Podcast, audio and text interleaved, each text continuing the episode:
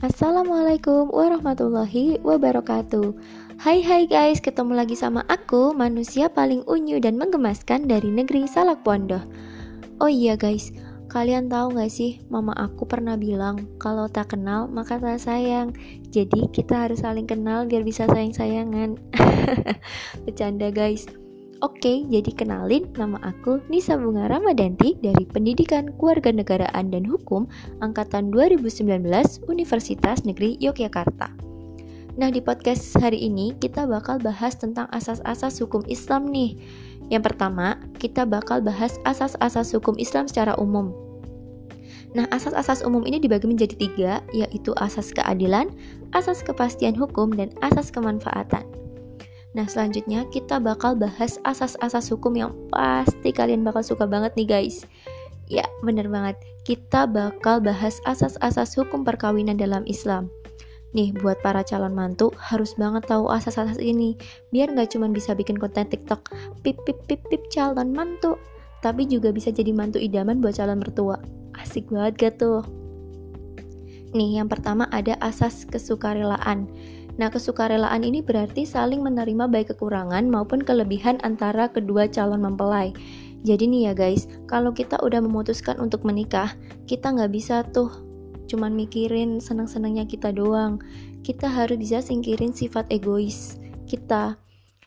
Pasti ada sih sifat atau kebiasaan pasangan yang gak kita sukai karena bertolak belakang banget sama kita. Begitupun juga sebaliknya.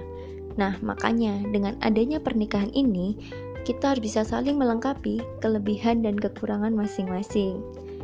Next, ada asas persetujuan kedua belah pihak. Nah, di sini tidak boleh ada pemaksaan dalam melangsungkan sebuah pernikahan.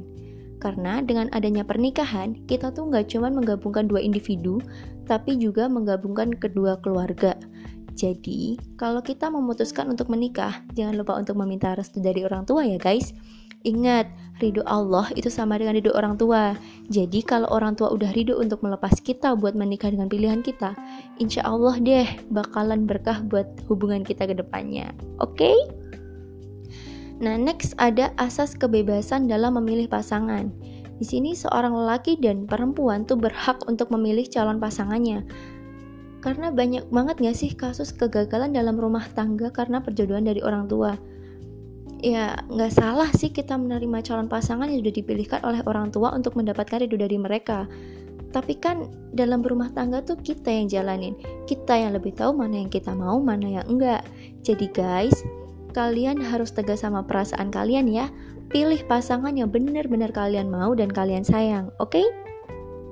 Nah, next ada asas kemitraan suami istri.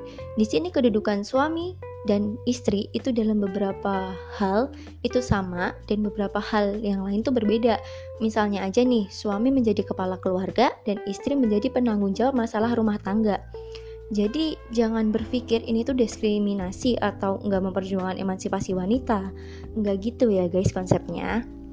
Nah, next ada asas monogami terbuka.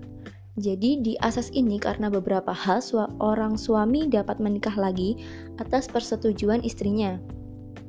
Jadi selama suami itu meminta izin dari istrinya, sanggup untuk berlaku adil pada istri-istrinya kelak, dan sang istri pun meridoi gitu. Jadi ya why not? Nah, terus next ada yang terakhir nih, ada asas untuk selama-lamanya. Nah, karena di perkawinan itu dilaksanakan untuk melangsungkan keturunan dan membina cinta serta kasih sayang selamanya. Jadi, gak ada tuh istilah kawin kontrak atau sebagainya karena sangat tidak sesuai dengan tujuan pernikahan. Nah, gitu guys.